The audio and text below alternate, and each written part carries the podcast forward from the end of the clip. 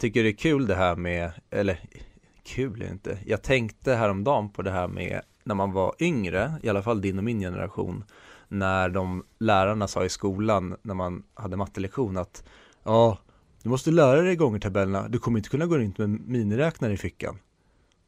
Mm. Och hur fel de hade om det. Vi kommer ihåg när de sa.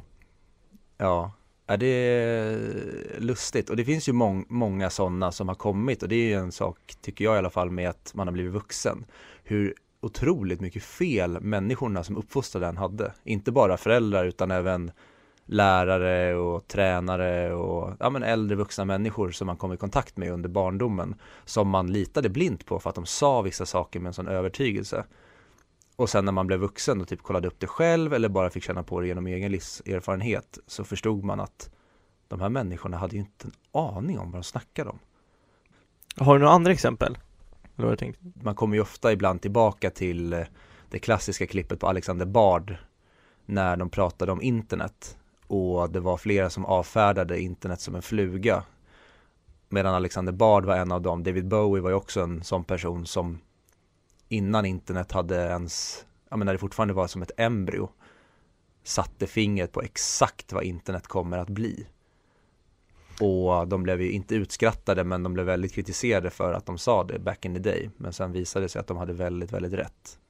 I och med att jag har funderat på det här så tänkte jag också att det vore ju kul med sådana saker som det här med internetförnekarna, eh, miniräknarförnekarna och göra en typ av, kanske inte serie eller film, men i alla fall se någon typ av sketch där man kanske går igenom historien och ser, får se olika exempel på där det var någon som kanske satt vid lägerelden, alltså tillbaka på stenåldern och så sa han Tänk i framtiden när vi kommer kunna vara överviktiga som fan och ha överflöd av mat. Och så blir han hånad av hela sin stam och kanske till och med utfryst och ja men verkligen utgarvad för att han har den här uh, synen. Men så visade det sig att han hade otroligt rätt och sen kör man hopp i historien till där det är en person som när innan vi fick tryckpressen eller skrivkonsten som är, menade att nu kommer vi inte behöva, snart kommer vi inte behöva berätta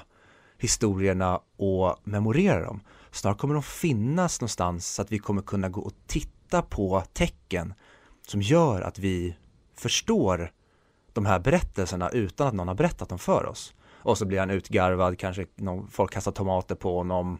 Jag kan bara se framför mig några grottmänniskor som sitter och äter bär typ. Alltså det är en person som säger typ så här.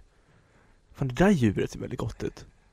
Jag lovar att i framtiden så kommer man kunna värma upp det med en sån här eld. Du vet sån som kommer när blixten slår ner i trädet. Att vi kan skapa en sån. Och så steker vi köttet. Och så kommer man servera det till andra. Och, så, Ja. och de andra sitter med blåbär i käften och bara sitter och garvar åt honom och mobbar ut honom. Ja, det hade nog varit skitroligt. Och att man kan dra det där väldigt, väldigt långt. Det, jag gillar den, det finns ju en eh, meme om där det är en varg och så står det hmm, vad händer om jag skulle gå in i människolägret och få mat i utbyte mot att jag skyddar dem? Vad kan gå fel? Och sen så är det nästa bild, då är det en bild på typ en eh, chihuahua eller en, eh, vad heter det, pug, det heter mops. Och visar hur otroligt obehagligt det är hur vi har avlat fram de här små grisliknande hundversionerna. Men det är ju, ja, verkligen snedsteg. Först tänker man, ja men det här kan Ja. jag tjäna på. Och sen ser man inte de långsiktiga följderna. Nej, Det finns så många sådana. Men alltså, internet är ju en klassiker när alla har sagt så här. Som du sa innan att, ja, internet, det kommer aldrig bli en grej. Det är en fluga. Det måste finnas så många sådana. Typ, typ som när man kollar på någon dokumentär och, folk säger, ja men folk kommer alltid köpa CD-skivor. Nej, det, det kommer vi inte. Det finns ju så många sådana där när folk har varit så övertygade på sin egen grej. eh, en sak som till exempel Steve Jobs som jag har all respekt för, Rip in Peace, eh, som har visat sig vara ett geni på många sätt. Men en sak som han hade väldigt fel om, det var ju kring det här med att vi skulle vilja ha subscriptions till typ filmer eller eh, musik. Jag tror att det var när Spotify kom som Mm. han hånade det och sa att vi kommer inte vilja ha en prenumeration på musiktjänst. Och så får man bara se hur otroligt fel han hade med Spotifys rise. Ja men där börjar man ju ifrågasätta honom lite hur han tänkte. För det är ju verkligen jättefel. För alltså, den nya grejen är ju, nu folk, om det inte redan finns antagligen, kommer ju vilja ha pre prenumerationer på bilar, på, säg att du bor i lägenhet så kan du alltså hyra alltså, dammsugare och sådana saker. Allt övergår mer till prenumeration för det känns onödigt att alla ska äga. Ja, vi blir ju, äh, för varje dag som går så blir vi ju mer globala och vi går ju ännu mer mot nomadsamhälle är fel att säga, men vi blir ännu mer mobila. Och därför blir det ännu sämre att typ som Blu-ray eller CD-skivor, varför ska jag släpa på massa saker som jag kan ha digitalt i min ficka? Exakt. det känns som den här filmen, om jag går tillbaka till den. Alltså mm. det, det, känns som Monty Pythis. Jag tänker ju alltid på scenen när, som jag pratade om innan tror jag, i uh, The Search, The Quest for the Holy Grail. När de sitter och säger I'm your king och sen sitter de och diskuterar om att, nej men jag röstar inte på dig. Jag, jag är mer för ett uh, socialistiskt samhälle och håller på sådär. Ja, och det är verkligen, hade Monty Python-gänget alla de varit vid livet idag, återigen Rip in Peace, många av dem, så hade jag gärna sett dem gestalta något sånt här. Men är det några jag skulle vilja se det göra idag, om vi kollar typ komiker-ensembles eller då jag hade gärna sett eh, Grotesco-gänget göra den här typen av skildring. Jag tror det hade varit väldigt roligt. Mm. Just för att de är ju väldigt bra på att dra saker långt och att de här egentligen uppenbara konstigheterna i saker i vårt samhälle och vardag, men som man ignorerar för att det sociala spelet ska funka. De tycker jag att de är väldigt duktiga på att trycka på. Typ som, eh, jag antar att du har sett eh, Groteskos, eh, jag, vet, jag tror inte det är ett helt avsnitt utan bara en del av ett avsnitt, men studentmottagningen. Ja, den är så jävla, det är en av mina favoritscener från Grotesco. Eller en av många, ska jag säga. Och den är ju briljant på, i alla fall för mig, för att jag, det är få karaktärer som jag kommer på på rak arm i alla fall, som jag identifierar mig så mycket med som Joel i studentmottagningen. Mm. Alltså det är han som kommer dit, för er som inte har sett den, det är ju alltså, för det, det är ingen haha-humor, det är inga så direkta punchlines. Det är mer Nej. otrolig igenkänning. För det, alltså scenen utspelar sig att det är, är det systern till hans flickvän som tar studenten? Nej, jag tror att det är någon typ kusin eller hon är mos, alltså jag tror, hon är inte direkt, eh, det är inte hennes föräldrar eller någonting, utan hon är ditbjuden som släkting eller om det ens, jag, jag kommer inte ihåg relationen, men det är inte liksom next in line. Nej, exakt. Och han kommer då dit, han känner ju ingen förutom henne. Han vill ju verkligen inte vara där. Och man får verkligen se det, det mest klassiska är när han ska hälsa på alla, det står 15 stycken tjejer där framför och sen, ja, hej Joel. Ja, Joel. Hej Joel. Joel. Hej Joel. Alltså, det, det är så sjuk igenkänning, den där hälsingsträsket som de kallar det i den.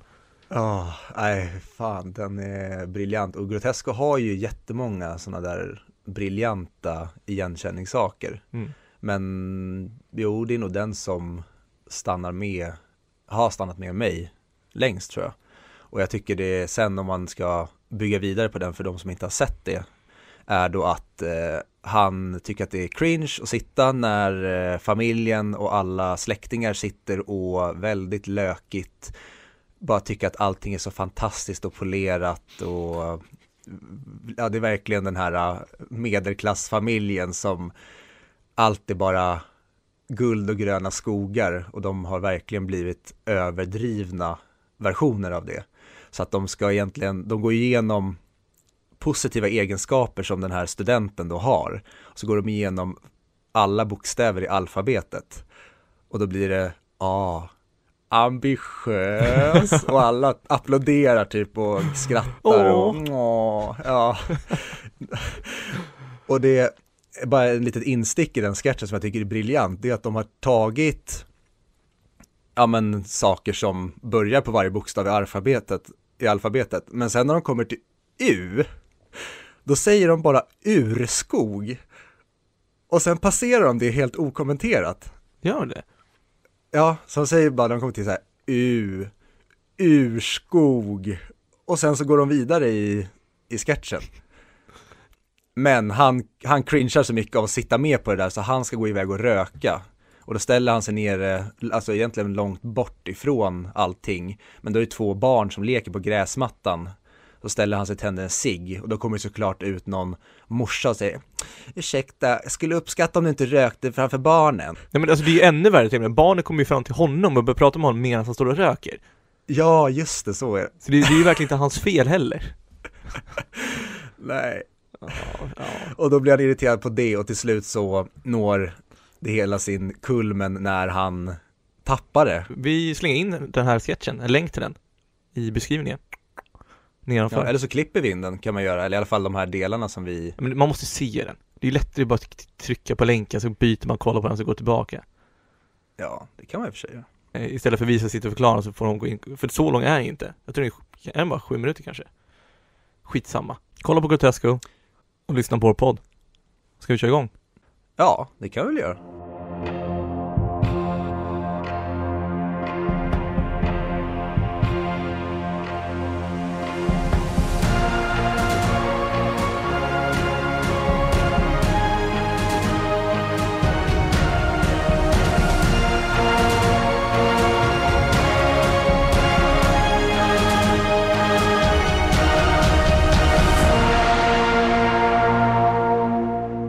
Hej och välkomna tillbaka till 100 Mic Podcast, podcasten där vi pratar upp IMDBs topp 100-lista men inte Charlie Chaplin. Idag är det avsnittsnummer 73 eller placering 73 och jag heter som vanligt Viktor och med mig som vanligt har jag Tror du folk börjar märka de här passivt aggressiva små kommentarerna som vi lägger mot varandra?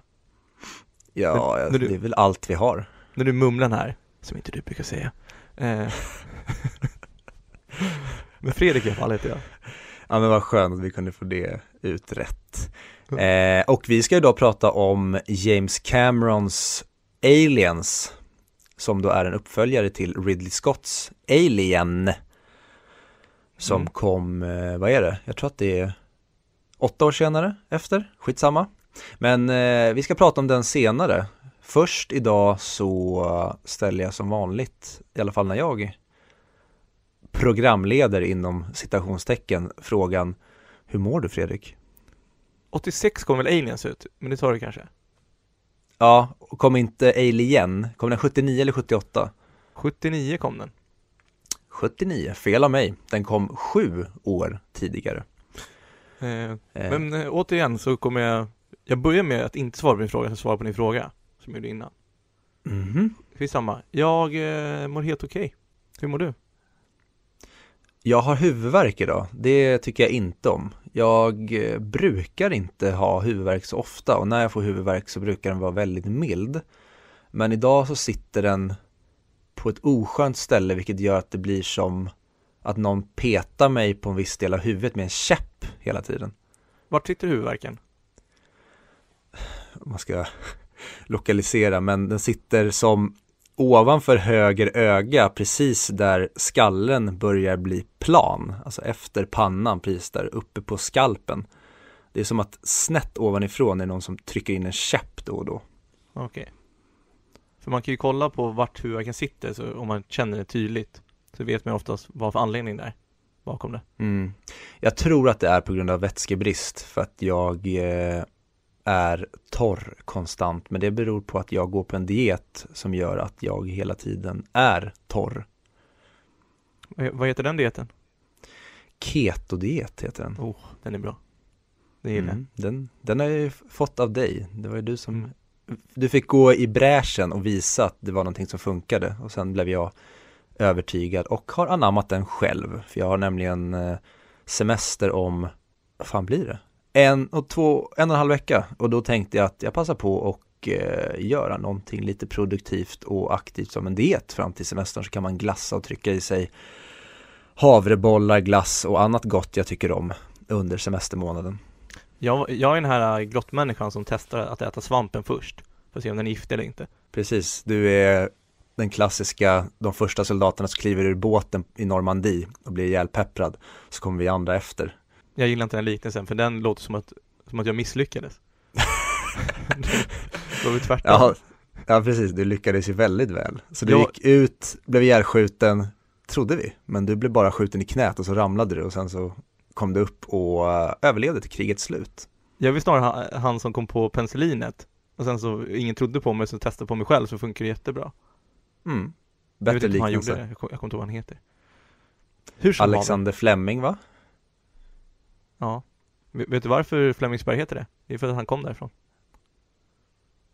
Är det sant? Nej, det tror jag verkligen inte Men var, var inte Alexander Fleming svensk? Jag vet inte, tänk om det är sant, vänta jag måste kolla upp det här Alexander Fleming, Sir Alexander Fleming I, eh, i Lockfield han var, han var från Storbritannien Han var åt helvete heller svensk. Varför har jag fått för mig att penicillin kommer från Sverige för? Det känns som alla sådana saker kommer från Sverige Ja, det är kanske är därför. Det har den svenska hy- hybrisen. Ja, exakt Men ändå så är vi Jante. Vi är bäst, fast vi är ändå bara helt okej.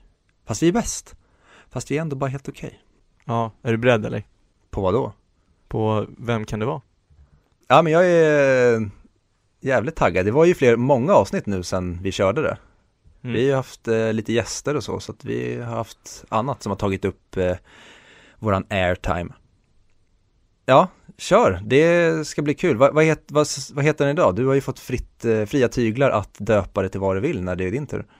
Idag heter den Kan du gissa vem den här personen är? Snyggt. Älskar namnet. Mm. Väldigt catchy. Kan du gissa Mm. vem den här personen är? Ja. Det, det kommer bli anammat i världen över tror jag Mm. Svårt kanske i länder som inte pratar svenska Men, eh, nej, vi, vi, vem, vem kan det vara, döper vi till nu? Vem kan det vara? Vem kan det vara? Inga, Mm. inga tjafs och trams Inget Okej. flams och trams. Ingen flams och trams Mm. Är du beredd? Ja. Bra Då kör vi 10 poäng i Vem kan det vara? Okej, 10 poäng Fyra nomineringar för Golden Globe och varav en vinst Vår stjärna är född 1972 och har föräldrar från ett annat land, men är själv född i London.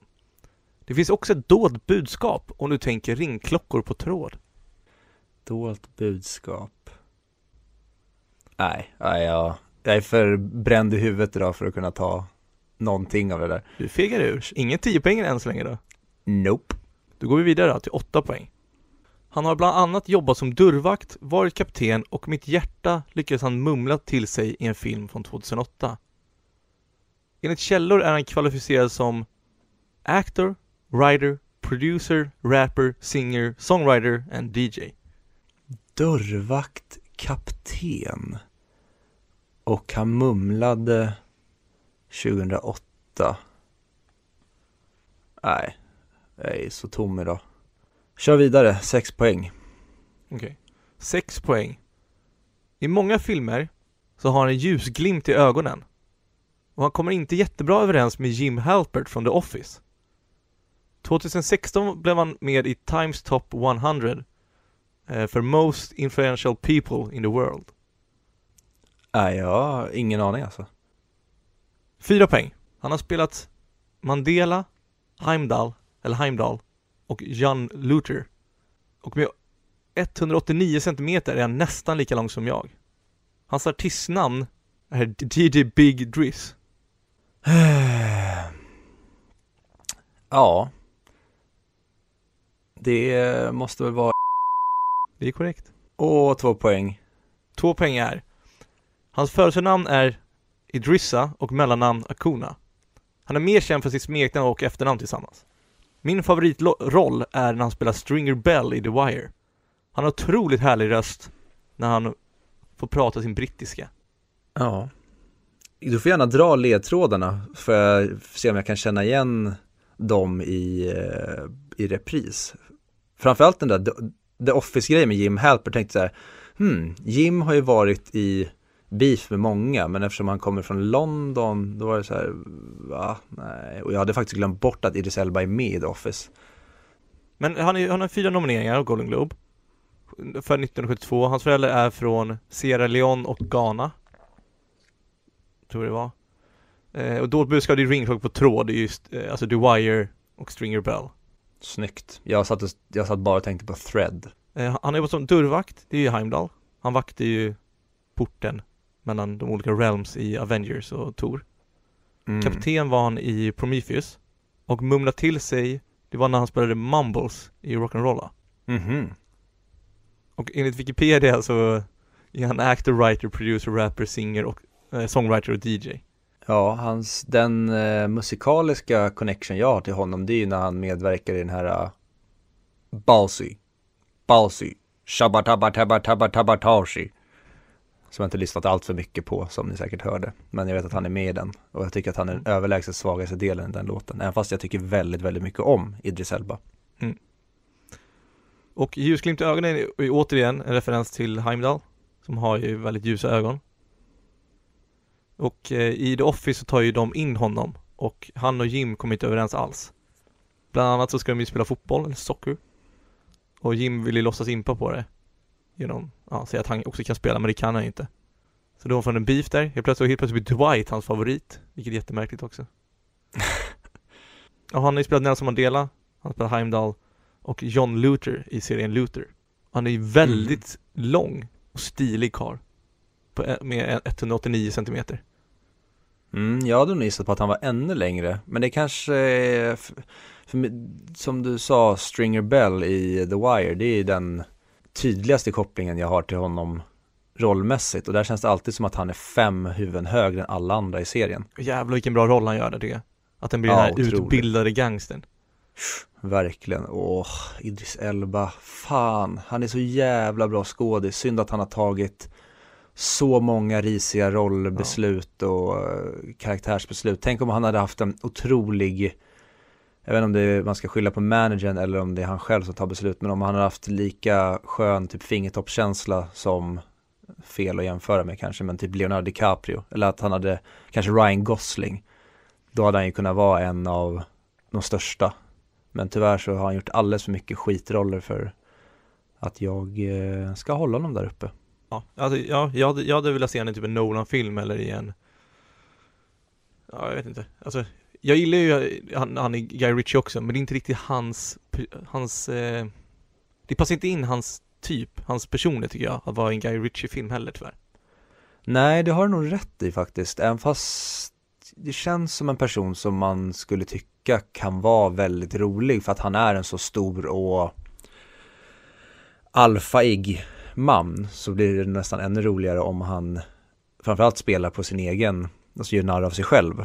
Mm. Men eh, nej, hans, jag vet inte om det beror på filmerna eller om det är han själv, men just hans komiska roller tycker jag inte är hans starkaste kort. Nej. Men tycker du att den var för svår eller var det du som var off idag? Äh, men den var, jag tror det är både och, för jag tyckte den var svår även nu också, men det kan vara på grund av mig, Ty- typ jag visste ju inte att han spelade Heimdall i Avengers-filmerna.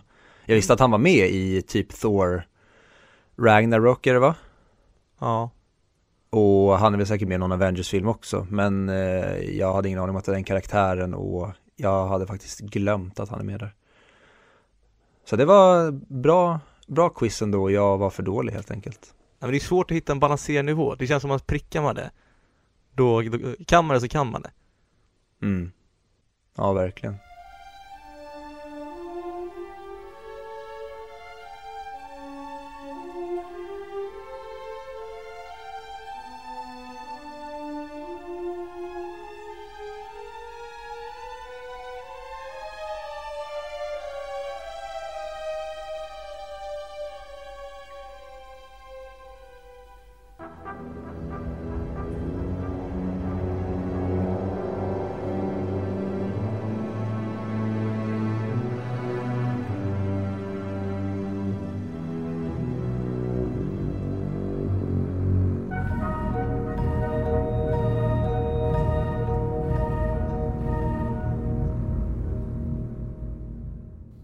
Så då.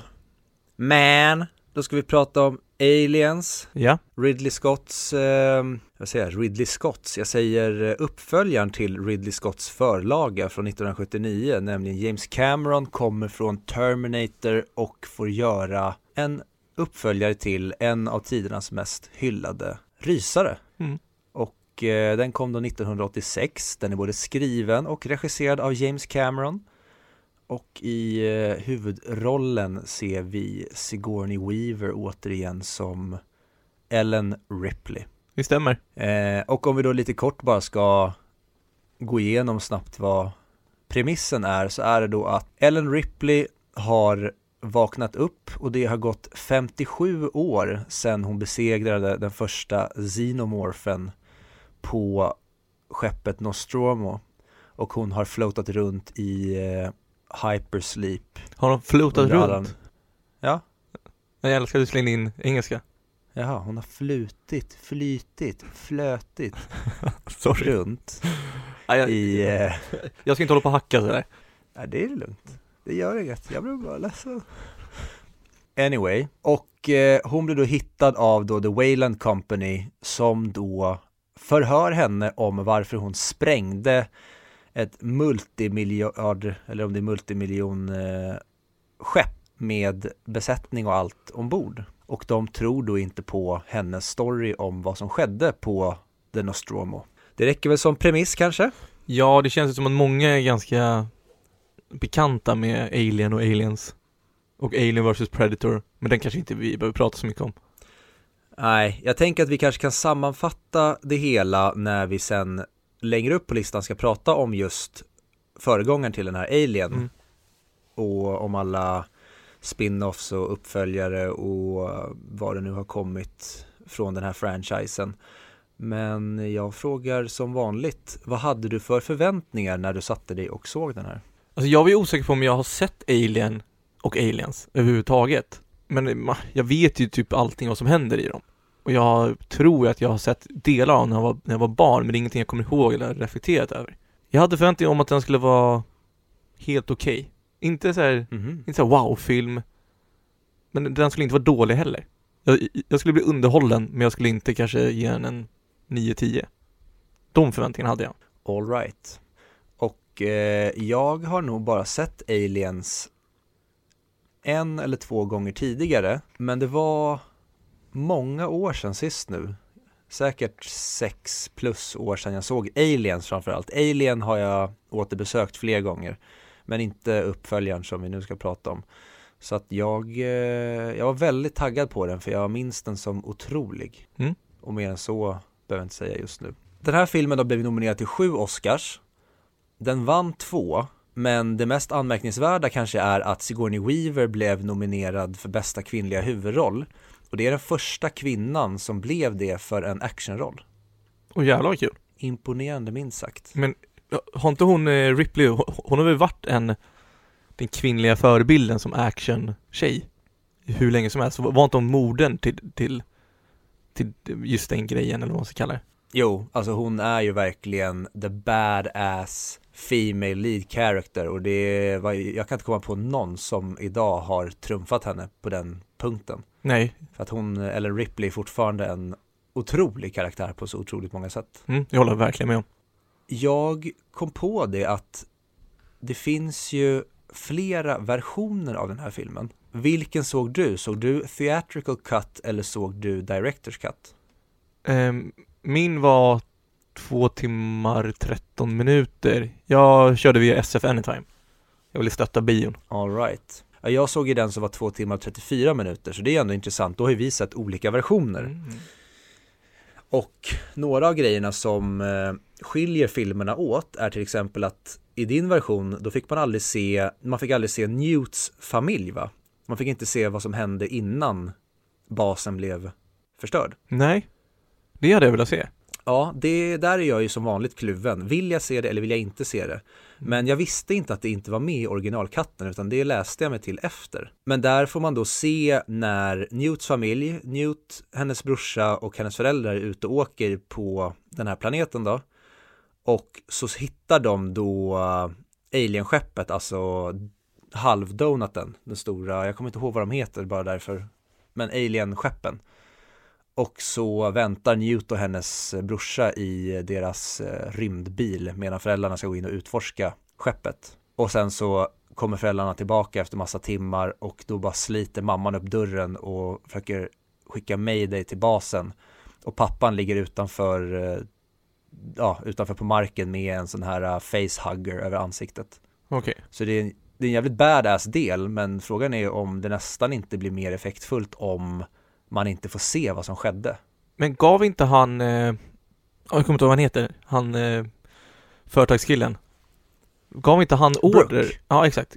Gav inte han order till att de skulle åka till det skeppet? Eh, ja men så kan det nog ha varit, det kommer jag faktiskt inte ihåg. För det säger hon att hon ser, ja jag ser i datorn här att du, det var du som gav order att de skulle åka till skeppet och kolla Alltså vad det var för något Ja, just det, precis. Det har du helt rätt i. Och då får man då se den det kapitlet Ja, som man inte får se i the theatrical cut. Mm. Och visst är det så, i den versionen du såg, då fick man inte se någonting med eh, Ripleys dotter va?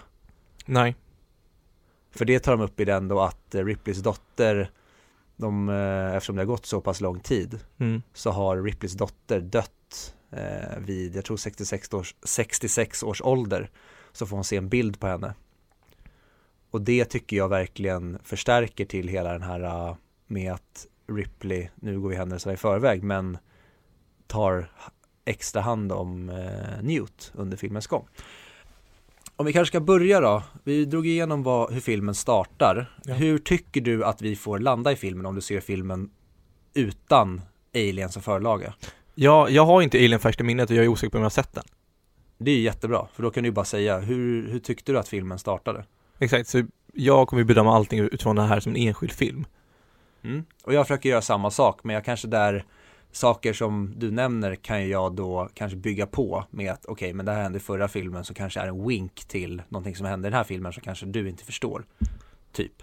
Alltså jag tycker ju att filmen blir bättre av att jag inte vet om allting innan Att, att jag bara får ledtrådar på vad som har hänt innan Mm. Eh, Så att den börjar ju väldigt spännande för mig För jag fick ju pussla ihop saker som jag inte har Hur tycker du? Som har, ändå vet?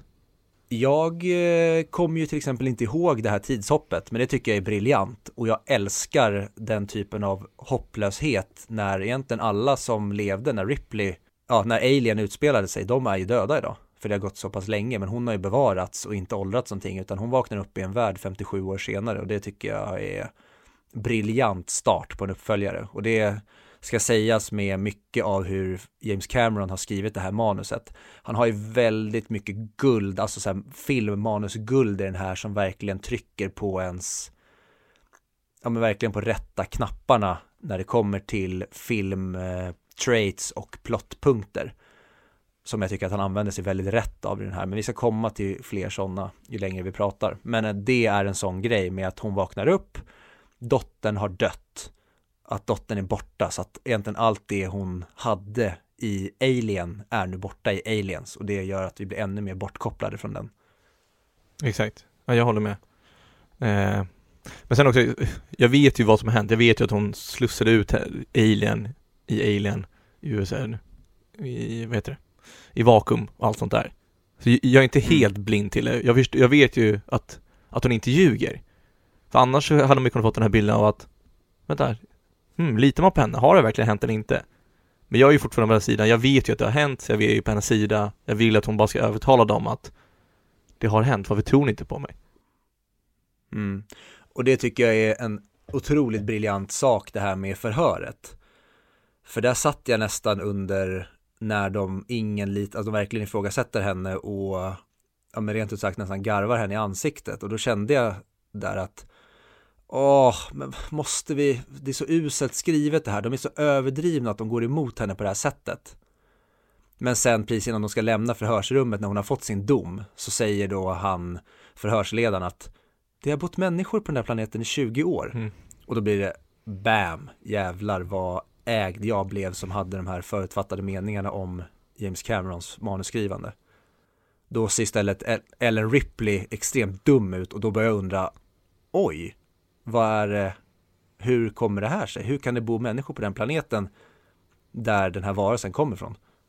Exakt, där har ju någonting gått fel Burke heter han va? Han heter inte Brooke. Nej, han Burke. Burke. Burke heter han I och med att han har fått reda på Ripleys story så har han då sett sin ekonomiska vinning i att vi kan åka ut och hitta den här varelsen så kan jag tjäna massa pengar på den.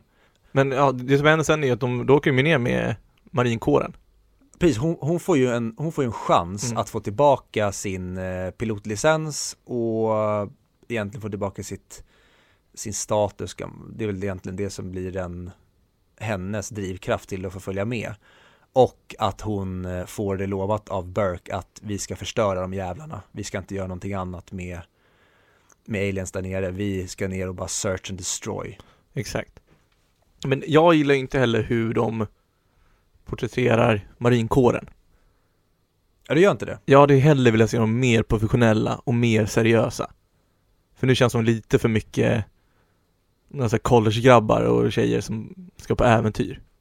Ska på spring break. Om du tänker, för att det är också en intressant grej, Full Metal Jacket, Ja, den spelades in samtidigt som den här i en annan studio i närheten. okej. Så de, eh, crewet i Full Metal Jacket och i Aliens hade tydligen mycket fester och sånt ihop och det är intressant att de ändå porträtterar både soldater, som jag tycker har väldigt mycket likheter. Det här med att det är många som inte tar armén på allvar. Det är lite stora egon som vill vara herren på täppan. Mm. Men det tycker jag att den den gör lika snyggt som Full Metal Jacket, men jag förstår att du kan tycka det. Men jag tycker också att det tillför så mycket när de är så självsäkra och inte tar det här på allvar, för de, de förstår ju inte magnituden av den här varelsen som finns där.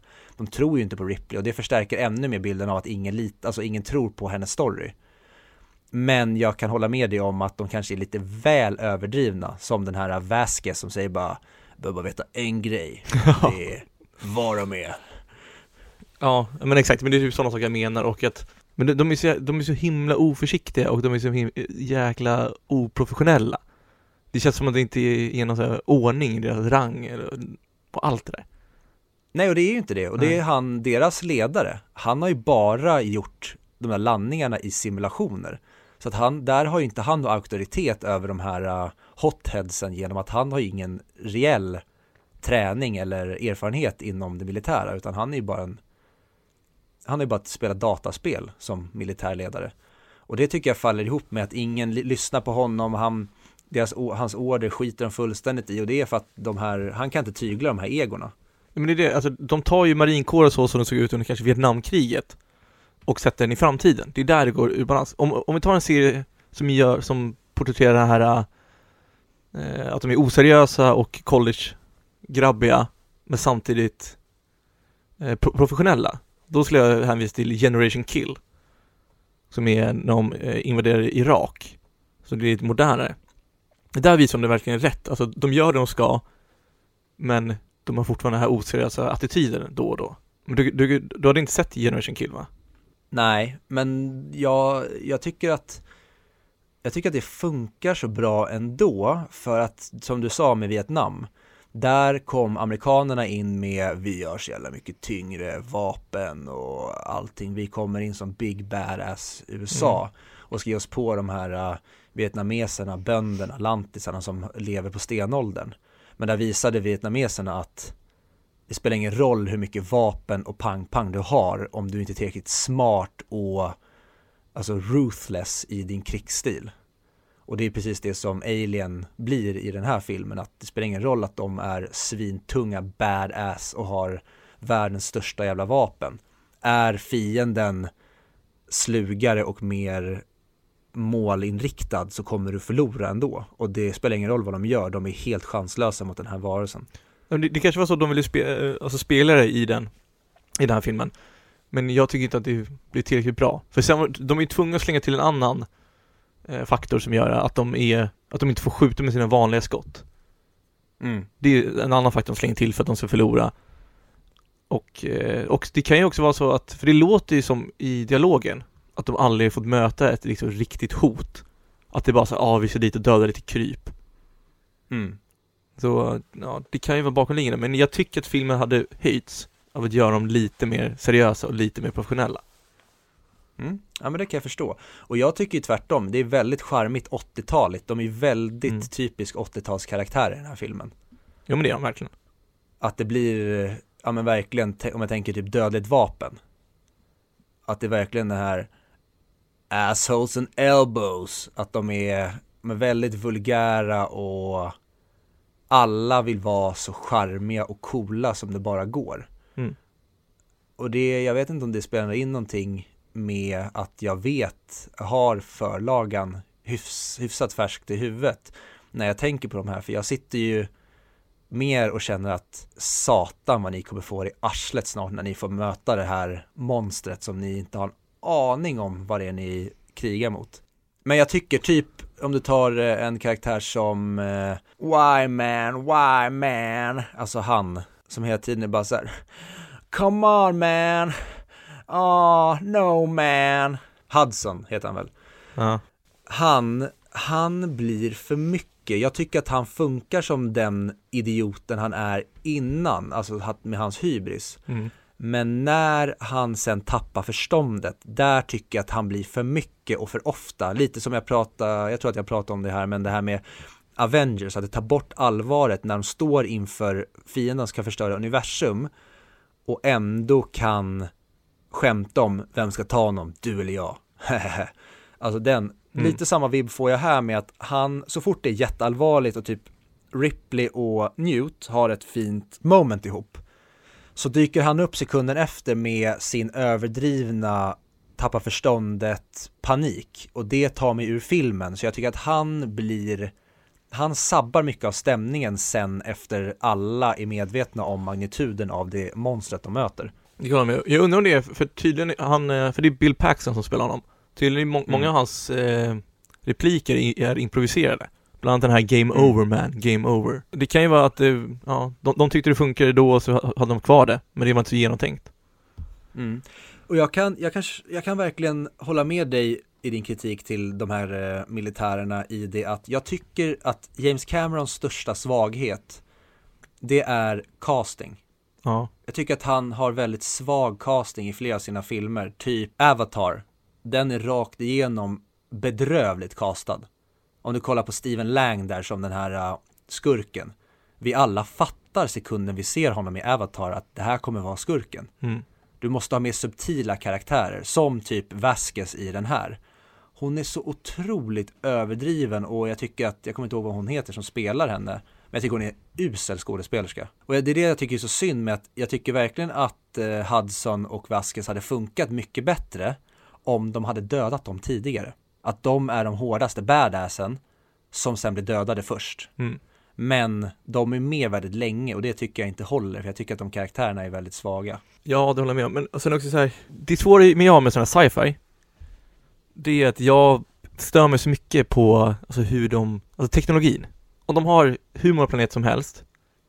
De har, de har liksom konkurrerat universum mer eller mindre. De kan liksom göra om en planet till beboelig. Men deras kameror de har på axeln är jättepixliga.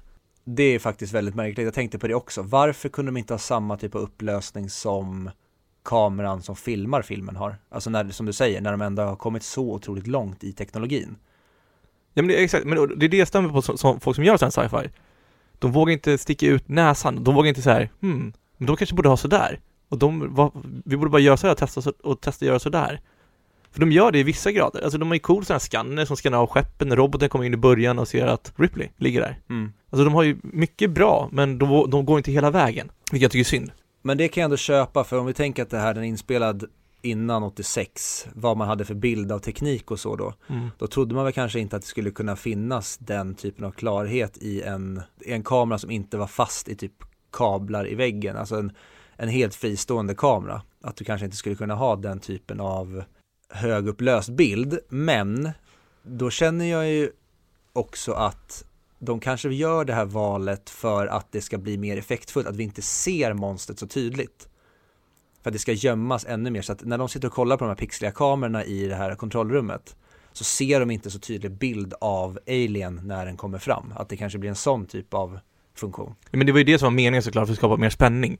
Men det är så här, det är klart de har bra kameror om de kan åka och eh, kolonisera universum.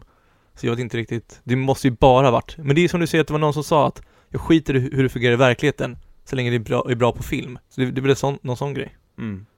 Nej men eh, ja, det, det är typ den kritiken jag har till den här filmen. Men om man ska gå tillbaka lite tidigare, jag tycker att den här filmen, hur den startar och tonen den sätter, Mm. är helt otrolig. Mm, det håller jag med om. Att den kommer in, det känns verkligen som att Yes, Star Wars är nära inpå här. Här har vi tagit inspiration av Star Wars och så har vi det med Alien och eh, nu är det här innan i och för sig, men jag får också mycket Jurassic Park-vibbar i att vi behandlar det här väldigt, väldigt allvarligt och sen med att allt i princip är praktiska effekter och miniatyrer. Sånt görs otroligt mycket för mig så att jag är verkligen direkt i inledningen av filmen och scoret till Alien-filmerna är helt otroligt. Det, då, då är jag med från början, det är bara, ja, gör vad ni vill nu, jag är med. Ja, jag håller med, jättesnygga effekter, jättesnygg bild generellt tycker jag. Mm. Eh, de var mörk men ändå lagom mörk. Mm. Nej, den är otrolig och, och jag tycker, eller Alien-universumet som då Ridley Scott skapade och som sen James Cameron bygger på i den här filmen är ett av mina favorituniversum när det kommer till filmer. Och det är därför jag ändå har en stor kärlek till filmer som Prometheus och det finns även en del saker i Alien Covenant som jag tycker om för där fortsätter man på samma i samma universum men du får andra stories. Även fast Prometheus och även Alien Covenant, Alien Covenant framförallt tycker jag är en bedrövlig film. Men det finns så mycket gott där i bara världsbyggandet och setdesignen och hur de här aliens ser ut, hur deras för, alltså skaparna ser ut och sånt. Och det tycker jag verkligen de bygger på i den här filmen. Det håller jag med om. Så håller jag inte med om Prometheus. Jag är ingen stort fan av den. Men det behöver vi inte gå in på nu. Nej, och jag säger den, den har jättemycket brister och Mm. sabbar en del av det som är eh, Alien-universumet. Men jag menar mer lore-mässigt så har den väldigt många intressanta saker. Men som ofta när Damon Lindelof som har skrivit Prometheus, när han är med i någonting, så han skapar oftast fler frågor än vad han ger svar. Och det tycker jag blir för mycket frågor i Prometheus än svar. Mm. Men det var egentligen bara designen och hur saker ser ut och den här mystiken och vad, vad den här varelsen är egentligen. För den är, det är egentligen som att du har tagit så otroligt många bra bitar designmässigt, hur den förökar sig, bara den här blodgrejen med att den har frätande blod. Alla de sakerna gör den till en så otroligt läskig varelse. Ja, verkligen. För i första Alien, då, då hade de ju anställt någon som skulle spela den, Alien, som var väldigt lång. Och han, han fick ju aldrig träffa någon annan av skådespelarna, för att göra mer liksom, som en främling och mer eh, skräckinjagande. För där läste jag också, för det verkar ändå som att, jag gillar ju när de är, för det känns som, som att skådespelare kan vara, och det, här är 100% eh, vad heter det? Fördomar. Ja, det är, ja, det är 100% fördomar om att skådespelare och skådespelerskor inte bryr sig alls om barn, att de bara tänker på sig själva och sin egen prestation. Men han Bill Paxton, han bad om ursäkt konstant under hela filmen till hon Carrie Henn varje gång han svor. Och sånt, sånt får ändå mig att gilla den personen. Samma här. Hon brydde sig inte, hade hon sagt tydligen, och att hon inte visste vad orden betydde, men ändå. Vad, vad tycker du om andra halvan av filmen egentligen? Från att de blir fast där, de blir attackerade, många dör, några flyr tillbaka, en alien har tagit sig eh, på skeppet som de ska flyga iväg med. Det kraschar. Och sen är vi egentligen i sista, eller näst sista halvan av filmen. Eller hur skulle man beskriva den delen? Ja, sista, framförallt sista halvan är ju mer actiondriven än den första. Mm. Och jag tycker ju om, nu kommer jag hamna in på förlagan igen, men jag tycker ju om Alien så mycket just därför att den är den här väldigt långsamma, mystiska filmen som tar väldigt mycket tid på sig. Och det tycker jag är det briljanta med första halvan av Aliens, att det är inte så mycket action utan vi får mer se, eller vi får inte se hotet utan det blir mer att de pratar kring hotet, vi bygger upp en stämning och det blir verkligen en suspensthriller första halvan igen, som första Alien är. Sen är jag inte ett stort fan av action och det är därför jag kanske gillar andra halvan mindre. Men när det pangas och pangas och pangas och den här jaktdelen, den är inte lika stark för mig. Och där tycker jag att filmen går ner sig ett snäpp från att vara briljant tills det egentligen blir bara shootouts och jakt. Mm. Jag håller 100% med om den andra delen. Det var ju det som var populärt på den tiden som den kom ut. Och det är det som är lite synd, för jag har aldrig tyckt att det har varit så intressant. Att kolla på den typen av action som var populärt där på 80-90-talet. Samma här. För det är, det, det är för mycket klyschor och det är för mycket JPKA motherfucker, även om Die Hard kan ganska schyssta. Där tycker jag att det går neråt och det är inte så mycket, alltså det är en scen som jag kommer ihåg som stack ut för mig, som jag tyckte var, var mäktig. Det är när de fl- lyckats fly undan och sen kommer in i rummet med alla äggen och får, och, får, och där är drottningen. När hon ser det Mm. och bara fuck, vad är det här för något? Ja, och alla egentligen scener för mig när de är i ja, men xenomorphsens miljö Ja. med hur de har byggt upp väggarna och det blir verkligen riktig body horror när man får se de här människorna upphängda och fastklistrade i väggar och tak som bara deras eh, kokonger för när de ska födas. Mm. Det är så skräckinjagande och läskigt hur de gör den här alien till en typ av, den förökar sig som insekter men du har en ännu mer komplicerad väg genom att du har den här stora drottningen som lägger ägg Ur äggen kommer facehuggers, facehuggers söker upp en, söker upp en host som den ja, men gör gravid och sen så föds det riktiga monstret ur det. Hela den delen är så briljant och läskig att det blir som stora insekter. Det blir, det blir som en blandning mellan insekter och parasiter. Ja, precis. Ja, det, det, verkligen. Det är... Ja, men det, de är, det finns ju verkligen mardrömsscenario att ha en sån där på ditt ansikte. Och sen känna inombords att det är någonting som kryper runt. Ja, och därför tycker jag att, eh, alltså en del av action tycker jag är helt onödig och egentligen bara gör att jag sitter och väntar på att den ska vara över. Men det finns väldigt många otroligt bra actionscener som typ när Newt och Ripley vaknar upp och det är facehuggers i rummet. Och den sätter sin svans runt hennes hals men hon trycker bort den från ansiktet. Mm. Där sitter man ju och svettas med henne för att det är, man vet att helvete, får den här grepp om dig nu, då är det tack och adjö. Mm. Och de delarna är verkligen riktig skräckfilms action och det älskar jag. Det är mer pang-pang-actionen som jag inte är ett så stort fan av i den här. Men även där så tycker jag att den är bättre än mycket annan action för det är ändå James Cameron som har visat att han är duktig på det här i Terminator. Inte Michael Bay som gör Terminator. Nej, förlåt. Dum jag Transformers tänker jag på. Skitsamma, det där var inget.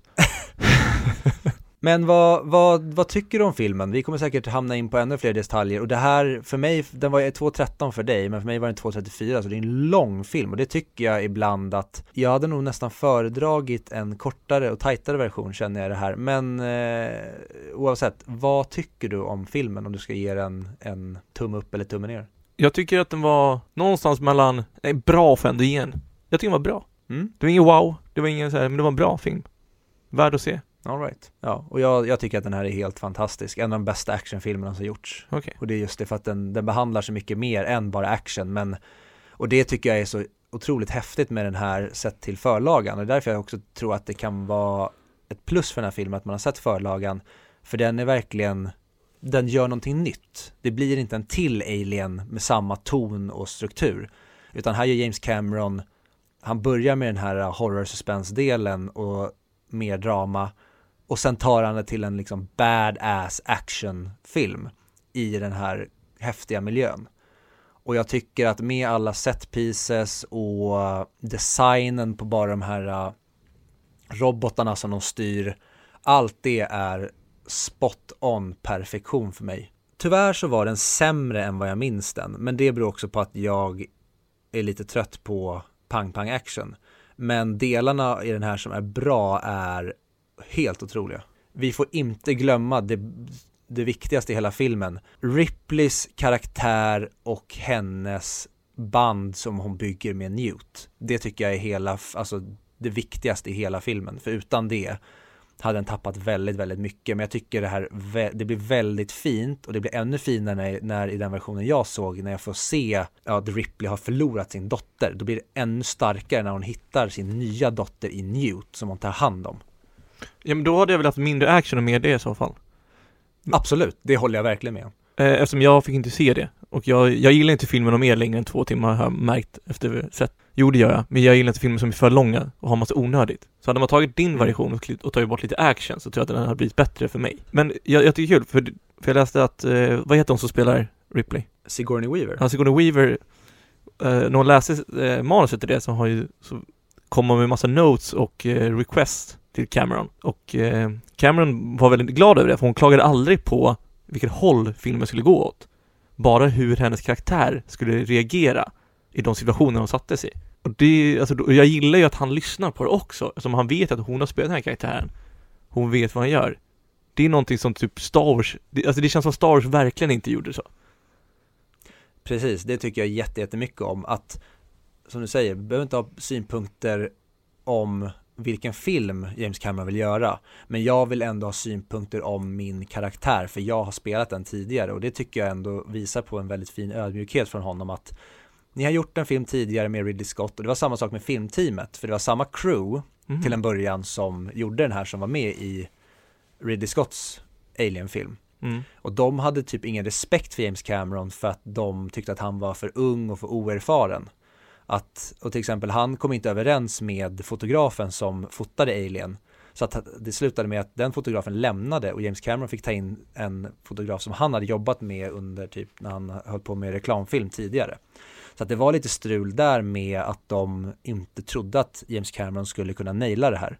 Och därför blir det ännu mer imponerande när han gör en av de mest hyllade actionfilmerna genom alla tider. När det var väldigt många som inte trodde på honom. Mm, fan vad kul. Jag vill även prata om, min favoritgrej med, med Prometheus är ju Michael Fassbenders karaktär. Mm. Det är ju, de har ju Bishop i den här filmen. Som är AI-datorn, eller Androiden. Mm. Vad tycker du om honom? Älskar honom. Och där är det svårt för mig att bedöma honom utan, för att där blandar jag också in Ash. Som är då spelad av Ian Holm, det är han som spelar Bilbo i Sagan om ringen. Han spelar androiden i Alien. Okej.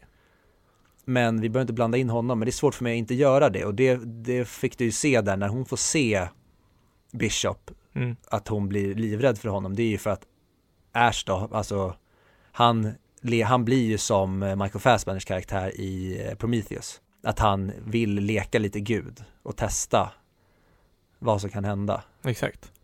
Och det är därför det också är ytterligare en briljant grej i James Camerons manusskrivande hur han väljer att göra med Bishop i den här att Ripley litar inte på honom och tror att han kommer göra likadant som Ash gjorde i förra filmen men han motbevisar det hela och han är en good guy som ser till att rädda hela uppdraget vid flera tillfällen.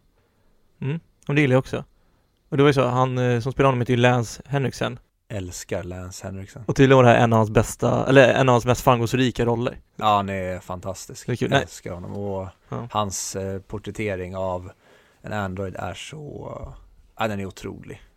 Mm, jag tycker jättebra. Jag tycker för, första gången man får se den, det är när han kör sitt knivtrick väl? Ja, Och då känns han mer som en så här en gammal man som följde med och bara gjorde som alla sa, som alla kunde sparka ner på. Så känns det som innan, jag, innan man fattade att han var en Android. Att han var, han är ju lite som butlern. Men ja, jag håller med. Jag tycker han gör den rollen otroligt bra. Jag tycker han är väldigt fascinerande. och har du sett eh, Alien 3? Är det Covenant? Nej, det är, det är Prometheus 2, så den är ju frikopplad från de här på ett sätt typ.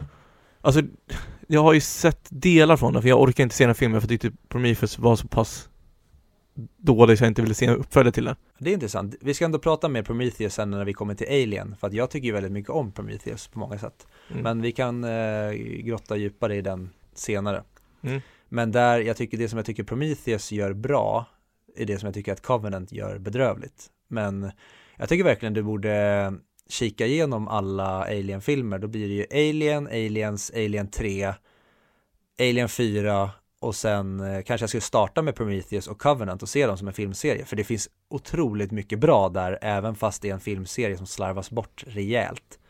Men när den är som bäst så är den otrolig. Men jag tror snarare det, att jag får ångest för att de hade kunnat gjort det så jävla bra, men de väljer att inte göra det bra. Mm. Och det är tråkigt när det är ändå Ridley Scott som gör Prometheus som har gjort Alien. Ja. För det är, jag tycker det är mer förlåtande om det kommer in någon annan utifrån som typ Jurassic World. Det kommer in en ny regissör, det är inte Steven Spielberg som gör den nya moderna versionen. Där tycker jag att det är mer förlåtande, då kan jag se originalet som är alltså en fristående del. Men när det ändå är upphovsmannen till Alien som gör Prometheus, då blir det svårt, då drar ju Alien, den dras ju ner av att uppföljaren slash prequelen är så mycket sämre.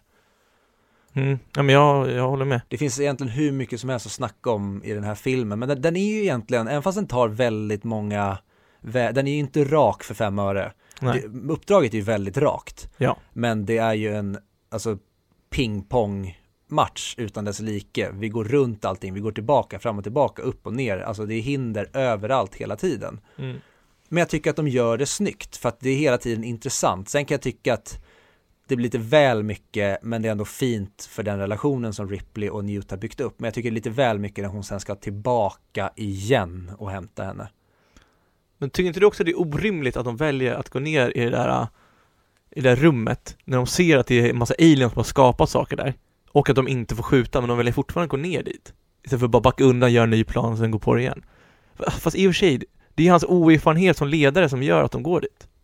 Ja, för att Ripley har ju sagt alla de här sakerna till dem, men de skiter i det. Mm, det. Utan det är ju först när de är inne i det här mardrömshålet som de får allt bekräftat att okej, okay, hon hade rätt på alla punkter. Mm. Och det tycker jag också blir så, det tycker jag verkligen om i den här filmen, att det går så lång tid innan hon får rätt. Att hon, det är i början hon visar sin verkliga frustration för att, men vad fan, lita på mig, ni fattar inte vad ni leker med för eld här. Mm.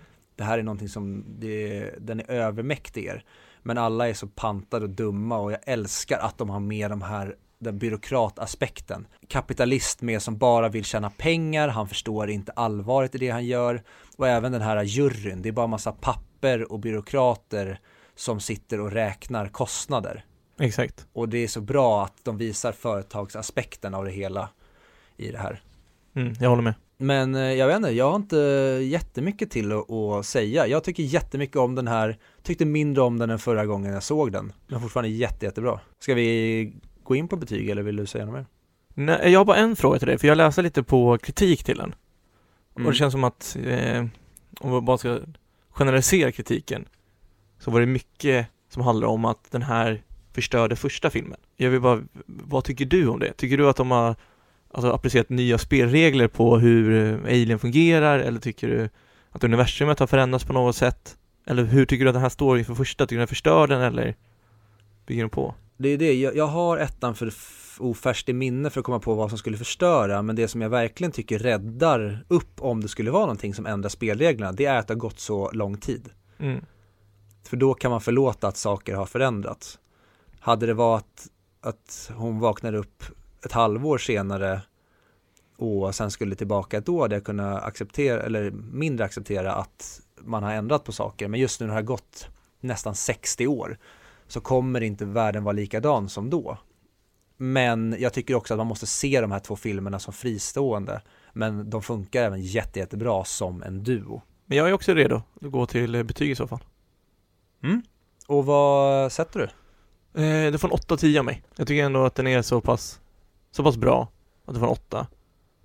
Eh, men jag tycker inte att den, eh, den får inga mick. Det är inte på 100-listan för mig, vad jag tycker. Mm, där, då ska det bli ännu mer intressant när, du sen, när vi sen ska prata om Alien och du kommer ha den här i bakhuvudet när du ser första. Vad tycker du?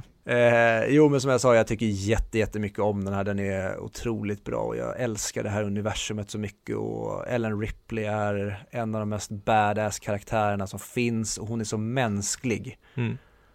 Hon är verkligen en person som inte är den här frivilliga hjältinnan utan hon bara, hon levlar upp när det behövs. Okej, nu står jag inför det här, då måste jag göra det här.